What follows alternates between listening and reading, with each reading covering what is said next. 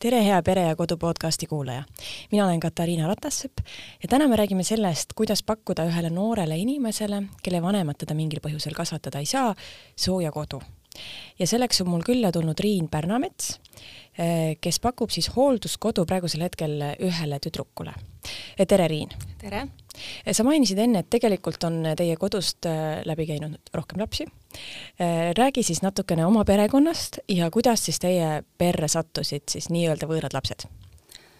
See lugu tegelikult algas päris ammu juba ja mõttetasandil ma arvan, see on minuga kaasas olnud juba lapsepõlvest, et, et kui kuidagi kuskil kuskilt on tulnud selline mõte, et et ühe lapse võiks kunagi lapsendada. ja sellele siis lähemale me jõudsime umbes kuus aastat tagasi, kui ühes lastekodus äh, käisin ühe, ühe autoklubiga talgutel ja seal ma siis mõtlesin, et, et millal see kunagi on, et kui ma hakkan neid asju tegema, siis mida ma elus teha tahaks just selles valdkonnas. Ja sealt siis äh, kõigepealt tekkis kontakt ühe noorema tüdrukuga, kes oli kuueaastane. Ja proovisime siis, siis temale siis saada esialgu tugipereks, aga see siis jäi siis tema kohaliku omavalitsuse taha et tema lähedased siis äh, aktiveerusid nii-öelda ja, ja kohtu kaudu siis ikkagi hakkasid endale tagasi siis neid lapsi, lapsi nõudma või, või lapsi siis äh, taotlema. aga sidemed selle lastekoduga jäid ja siis äh, hakkasid suhtlema minuga siis eelkõige sellised teismelised noored just ja ühe tüdrukuga siis tekkiski selline lähem kontakt ja siis, kui tema oli neliteist, siis me saime temale tugipereks ja noh, me oleme tema kõrval olnud siiamaani, praeguseks ta on üheksateist.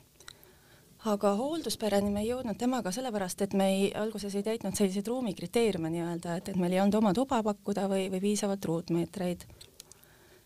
Ja siis paar aastat hiljem, kui, kui see esimene neiu oli juba selline rohkem iseseisvam, elas, elas oma elu, tekkis samast lastekodus selline lähem kontakt ühe teise tüdrukuga, kes siis sel hetkel oli, oli kuusteist.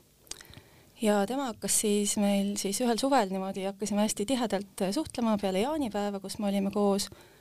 Ja kuidagi hästi kiiresti juhtus nii, et, et tuli siis korra külla ja jäi, ma ei tea, kuueks päevaks ja, ja siis sealt edasi ta praktiliselt terve suve oli meiega, et, et kuidagi hästi kiiresti ja intensiivselt need asjad liikusid. ja siis ta käis meie juures kooli ajal niimoodi reedest pühapäevani regulaarselt, praktiliselt iga nädal. Ja lisaks oli ka koolivaheaegadel. Ja nüüd siis alates eelmisest kuust oleme me lõpuks hoolduspere, et, et me oleme ammu tahtnud seda teha, aga seoses siis uue, uue elukohaga, mida me siis äh, praegu siis kohe-kohe sisse kolime, et siis see võimalus tekkis ka nii-öelda siis ametlikult olla hoolduspere, et ta saaks päriselt siis meie juures elada püsivalt hmm.. mida see hoolduspere üldse tähendab, mis vahe on sellel adopteerimisega? adopteerimisega on see vahe, et hoolduspere puhul on ikkagi kohalik omavalitsus siis see, kes on selline põhiotsustaja ja lapse siis eestkostja et selliseid suuremaid otsuseid peaks siis tegema koos kohaliku lapsekaitsetöötajaga, kellega meil on väga hea koostöö, et, et mingeid probleeme sellega ei ole olnud. Ja lapsendamise puhul on siis kõik õigused vanematel, ehk siis ta on nagu selline päris oma laps nii-öelda ja, ja siis elu lõpuni mm. -hmm hoolduspere puhul äh, ma kujutan ette, võib selliseks hirmuks vanematel olla see, et, et mis siis, kui ma kiindun sellesse lapsesse, aga siis tema enda vanemad saavad oma asjad korda, saavad lapse tagasi võtta ja siis ma jään sellest lapsest ilma. ja ma usun, et, et see nii on, et, et kui meie läbisime seda Pride eelkoolitust, et, et siis ma seda ka nägin, nägin ümberringi päris palju ja me arutasime neid teemasid, et et mis mina arvan, et noh, meie puhul on selles mõttes erinev, et et neiu, kes meie juures elab, sai just kaheksateist, üsna vahetult peale seda, kui me siis ametlikult hoolduspereks saime ja noh, tema suhtleb oma vanematega ja oma sugulastega, et et sellise vanema lapse puhul siis ma arvan, et see ongi nii, et ta suhtleb ühega, suhtleb teisega ja siis ise, ise teeb oma, oma valikuid juba, et tema otsustaski, et tema tahab meie juures olla mm. -hmm. et noorema lapse puhul jah, ma kujutan ette, et kui ta võib-olla tuleb seal täiesti väikelapsena, sa kiindud ja siis ühel hetkel need vanemad siis saavad eluga hakkama ja ta läheb tagasi, et, et see on kindlasti valus teema mm. -hmm. eriti kui sa võib-olla näed, et, et need vanemad nüüd nii hästi hakkama ka ja, ei saa. jah, et see mure jääb mm -hmm. ja on ka mhm. veel see, et, et see väike laps siis ju ise nii väga ei otsusta, et tema suhtleb edasi, mida teismeline saab ju vabalt juba teha, et mm. -hmm. ja mis on ka meie puhul, ma arvan, meil on kaks bioloogilist last ka, Äh, poisid, üheteist ja kaheksa-aastased et kui sul on olemas endal sellised bioloogilised lapsed ka, et siis sul ei teki seda olukorda, et nüüd sult kuidagi võetakse kõik mm. -hmm. et just julgustuseks neile, kellel võib-olla on mm -hmm. ka, on ka peres juba lapsed kasvamas ja, ja mõte on, et, et kas pakkuda kellelegi lisaks hoolduspere, et et ma arvan, et enda jaoks on see sellise emotsionaalselt turvalisem variant mm. -hmm. kas teil oli mingeid hirme ka, kui teil seda kiindumise hirmu võib-olla nii väga ei olnud?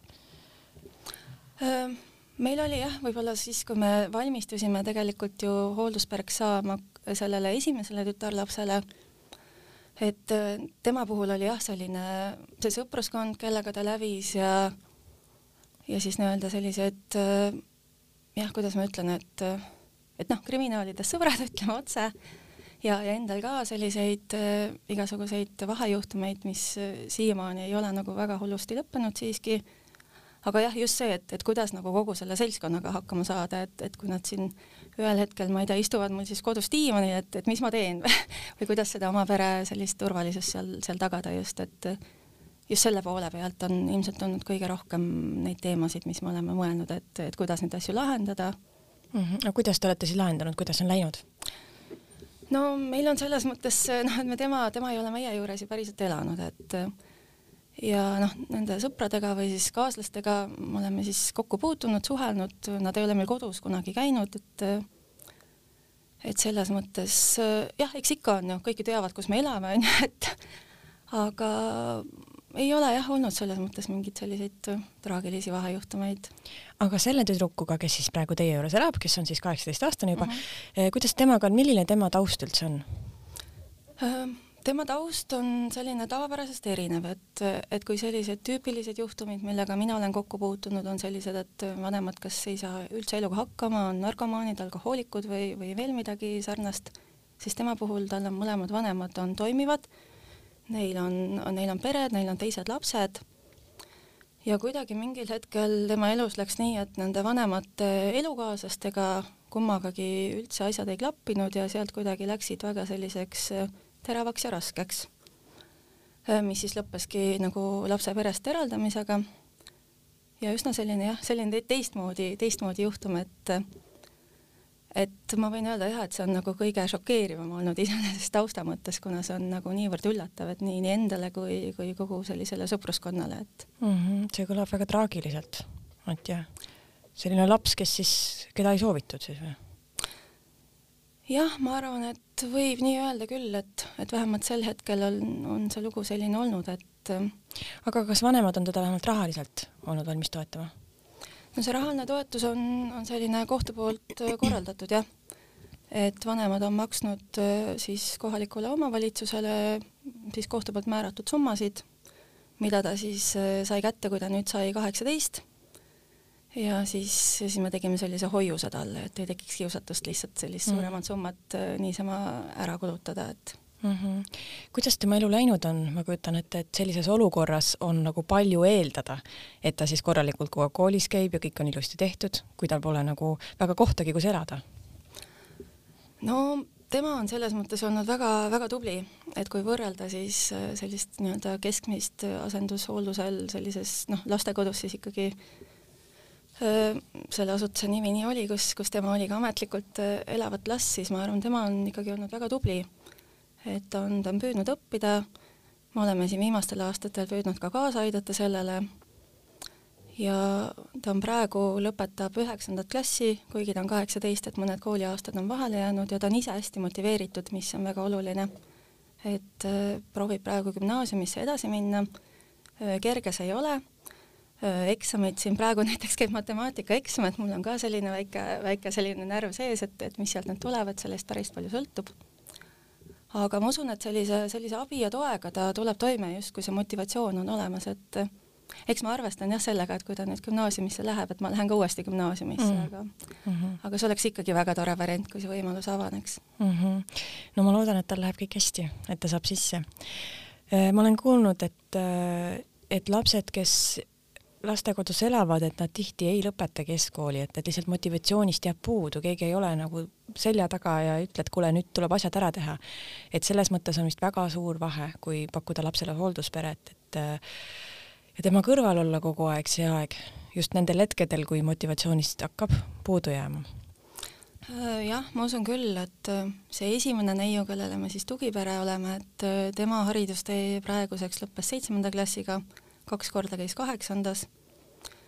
ja noh, temal see motivatsiooni teema oligi raske ja noh, sõbrad olid kõrval sellised küll, nagu haridus oli viimane asi, mis neid huvitas ja mm -hmm. ega ma ei oskagi öelda, et kui ta oleks peres elanud meil, et kui palju rohkem ma oleks saanud teda aidata, noh, ma mõtlen, et äkki, äkki oleks ikkagi rohkem, aga just see motivatsiooni teema on hästi oluline, et et mitte ainult, et sellise taustaga sageli gümnaasiumisse ei, ei pääse, vaid on, on selline hea, kui ka põhikool saab korralikult lõpetatud ja, ja üldse haridustee jätkub, et mm. -hmm. kuidas siis ühendada või kuidas leida tasakaal siis helluse, soojuse ja karmide piiride vahel, et ma kujutan ette, et tulebki öelda, et sa pead need asjad ära tegema, sa pead kooli minema, aga samal ajal on vaja sellele lapsele pakkuda ka siis nagu soojust ja turvalisust ja noh, meil on jah hästi erinevad lood nende kahe tütarlapsega, et esimesega ma püüdsingi kuidagi nii, et no lepime nüüd kokku, et, et sa lähed homme kooli, vähemalt lähed kohale, et siis vaatad, mis edasi saab, et, et oled seal esimesed tunnid ära, vaatad, kaua vastu pead, et võtame niimoodi ühe päeva kaupa, et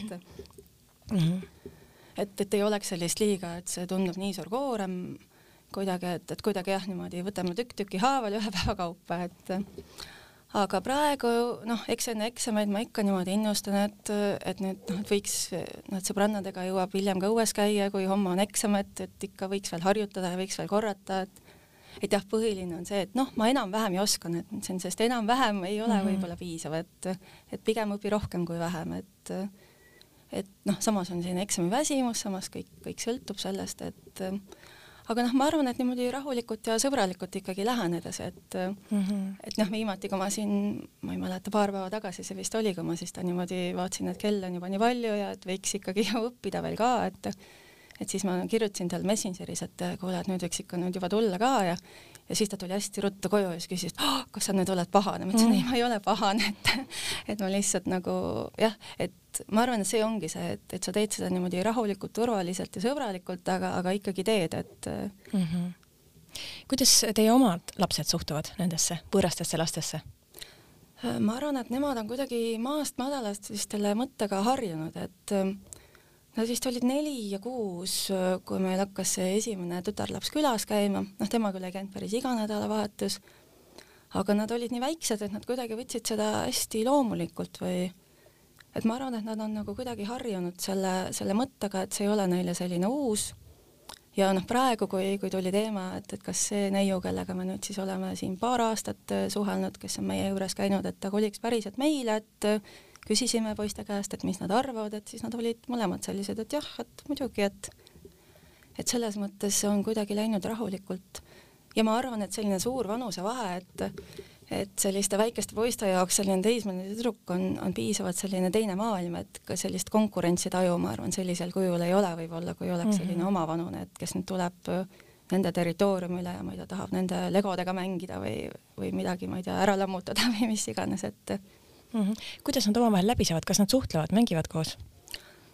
Äh, jah, suhtlevad küll, et äh, mingeid lauamänge mängivad näiteks ja, ja mingit siukest, ma ei tea, niisama müravad ja ei tea, täitsa, täitsa suhtlevad mm. -hmm no natuke sa rääkisid sellest, et mis on nagu keeruline olnud, eks ole, aga ma küsiks, et äh, teistpidi, et mis on selle asja juures kõige toredam olnud, et miks soovitada kellelegi hoolduspereks hakkamist? sa ikkagi näed, et et sa saad selle ühe lapse jaoks nii palju ära teha või tema elu nii palju muuta, et ja just teismeliste puhul mulle tundub ka, et et noh, kui vaadata lapsendamisjärjekordi, et kõik on sellised, noh, mitte kõik, ma ei saa niimoodi üldistada, aga et valdavalt ikkagi soovitakse saada kas, kas vastsündinud või, või väikelast. Ja just sellised vanemad noored kipuvad nii jääma, et kui nad on juba jäänud, kui nad on juba teismelised, isegi varateismelised, et siis nendele kuidagi need võimalused tundub, et ahenevad just, just perekonda saada. et vähemalt siiamaani on see nii olnud, et just sellised vanemad noored vajavad ka väga tegelikult perekonda, et et see meie noor, kes küll sai kaheksateist, et ta võiks ju täitsa iseseisvat elu alustada, aga, aga just see vajadus, et ta tegelikult tahab väga perekonda, tahab tegelikult kõike seda, millest ta on puudust tundnud.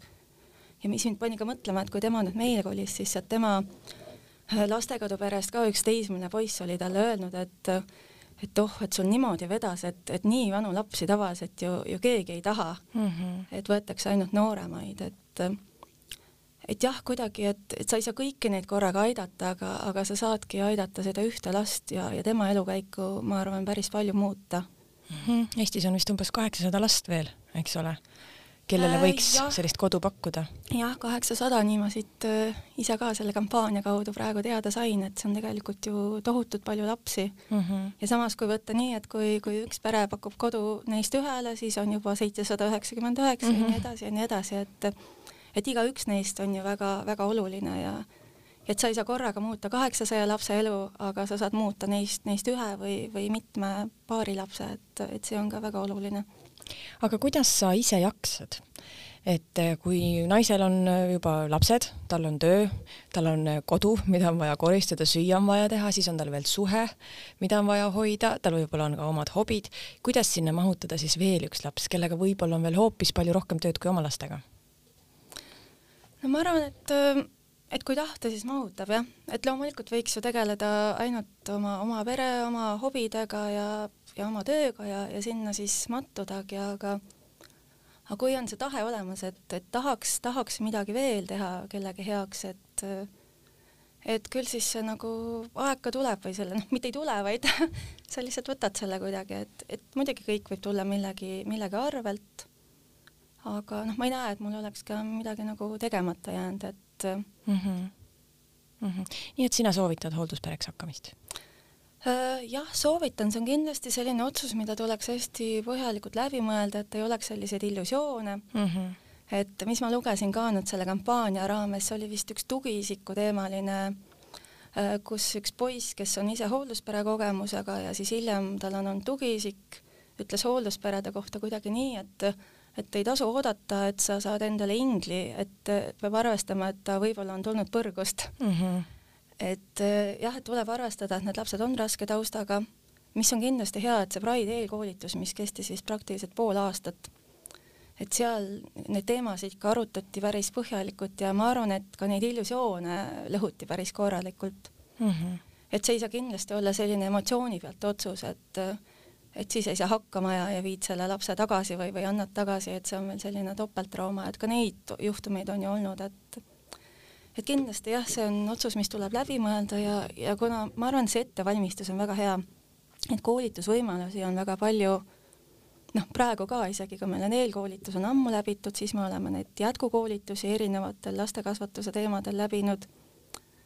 Ja siis nüüd ka pakuti siin, ma ei tea, koolitusi, mentoreid, ma saan pidevalt mingeid meile, et mis, mis tuge kõike on võimalik saada, et mm. -hmm. et sa põhimõtteliselt on... ei ole siis üksi, et sa võid küsida kelleltki abi, nõu? jah, just, ja meie oleme väga aktiivselt neid võimalusi kasutanud päris mm algusest peale, et kui ikka endal sai mõistus otsa, et noh, tugiperena ma siis ise otsisin mingisuguseid lahendusi, et mingeid nõustajaid, et, et keegi on, keegi on kogu aeg olnud kuskil, kus ma siis kui endal on mõistus otsas, siis ma lähen räägin olukorra ära ja küsin, et ma ei tea, mis ma nüüd tegema peaks, et mis see õige lahendus võiks olla mm. -hmm. Sa mainisid seda, et, et äh, on lapsi ka tagasi viidud, kas sa oled sellistest juhtumitest siis täpsemalt kuulnud ja mis seal siis viltu on läinud? noh, ma jah, sealsamas lastekodus on olnud neid ka, millega mina olen olnud nende aastate jooksul lähemalt seotud. et äh, noh, ma tean ühte juhtumit, kus oli kuidagi selline ühe pereliikme otsus rohkem, et et siis jah, et naine, naine tahtis ja otsustas ja kuidagi tegi, aga mees ei tulnud sellega vist kuidagi algusest peale kaasa, et siis mm., et sellisel juhul on see konflikt juba nagu sinna mm -hmm. sisse kodeeritud. tuleb ikkagi, see peab terve pere otsus olema. ja, jah mm. -hmm. ja jah, kui on ka kuidagi rasked lapsed, et ei, ei saada hakkama, et noh, alati on äärmuslikke case, aga, aga üldiselt ma arvan, et et just see, see abi otsimise valmidust võib-olla ei ole ka nii olnud, et mm. -hmm.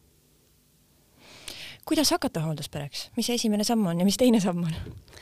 no ma arvan, et praegu see kampaania annab ka väga head võimalused selleks, et ma olen ise ka jälginud hoolduspere.ee lehekülge, siis need videolood, mis seal on olnud, vaadanud neid ja, ja lihtsalt on tore ju vaadata ka, kuidas teised on sinnani jõudnud, aga ma arvan, et kui päris algusest alustada, et siis see võikski olla selline viis, et, et uurida rohkem selle teema kohta, kuulata, vaadata inimeste lugusid, siis edasi, kui, kui mõtted sealt edasi arenevad, siis saab juba Sotsiaalkindlustusametnikuga edasi otseühendust võtta, suhelda ja see Pride eelkoolitus, mis on selline ettevalmistav, ma arvan, on ka väga hea, et, et see ei kohusta mitte millekski mm. -hmm. meile algusest peale öeldi, et, et on täiesti okei okay,, kui te jõuate selle koolituse lõpuks tõdemuseni, et, et see tegelikult ei ole meile et, et see ei ole nii, et kui sa juba oled alustanud seda teed ja kui sa oled nagu rohkem sinna teemadesse sisse läinud ja sa ühe, ühel hetkel mõtled, et, et tegelikult ma ikkagi ei soovi või ei suuda või, või praegu pole õige aeg, et siis ei ole nii, et et nüüd poole pealt, kuidas ma siis loobun või mm. -hmm. et jah, et iga pere ei pea siis hoolduspereks hakkama, et äh,? ei, ei, et see ei kohusta millekski, aga, aga jah, et kindlasti kõik need teemad enne aitab läbi mõelda ja, ja siis selle otsuseni jõuda mm. -hmm. ja samamoodi mõelda ka siis läbi see, et et millisele lapsele, mis vanuses lapsele ollakse valmis siis kodu pakkuma. kas seda saab siis mingil määral öelda? ja, ja seda saab öelda, et vanusepiirid ette anda näiteks, et mm -hmm ja seal on jah erinevad, kõik selle ettevalmistuse raames kõik need teemad arutatakse läbi, et et noh, meie puhul seda oli selle pereuuringu, mis, mida teeb siis Sotsiaalkindlustusamet, selle raames oli sellest vähem juttu, sest meil oli nii-öelda laps juba olemas, et aga ma saan aru, et muidu neid teemasid seal arutatakse ka põhjalikult ja et, et milline see valmisolek on ja, ja just mis vanuses ja millise, millisele lapsele, millise taustaga mm. -hmm. aga aitäh sulle, Riin, aitäh tulemast! aitäh! aitäh, armas kuulaja, et meid ära kuulasid. kõik meie saated on leitavad Spotify'st, iTunes'ist, SoundCloud'ist ja teistest suurematest podcast'ide rakendustest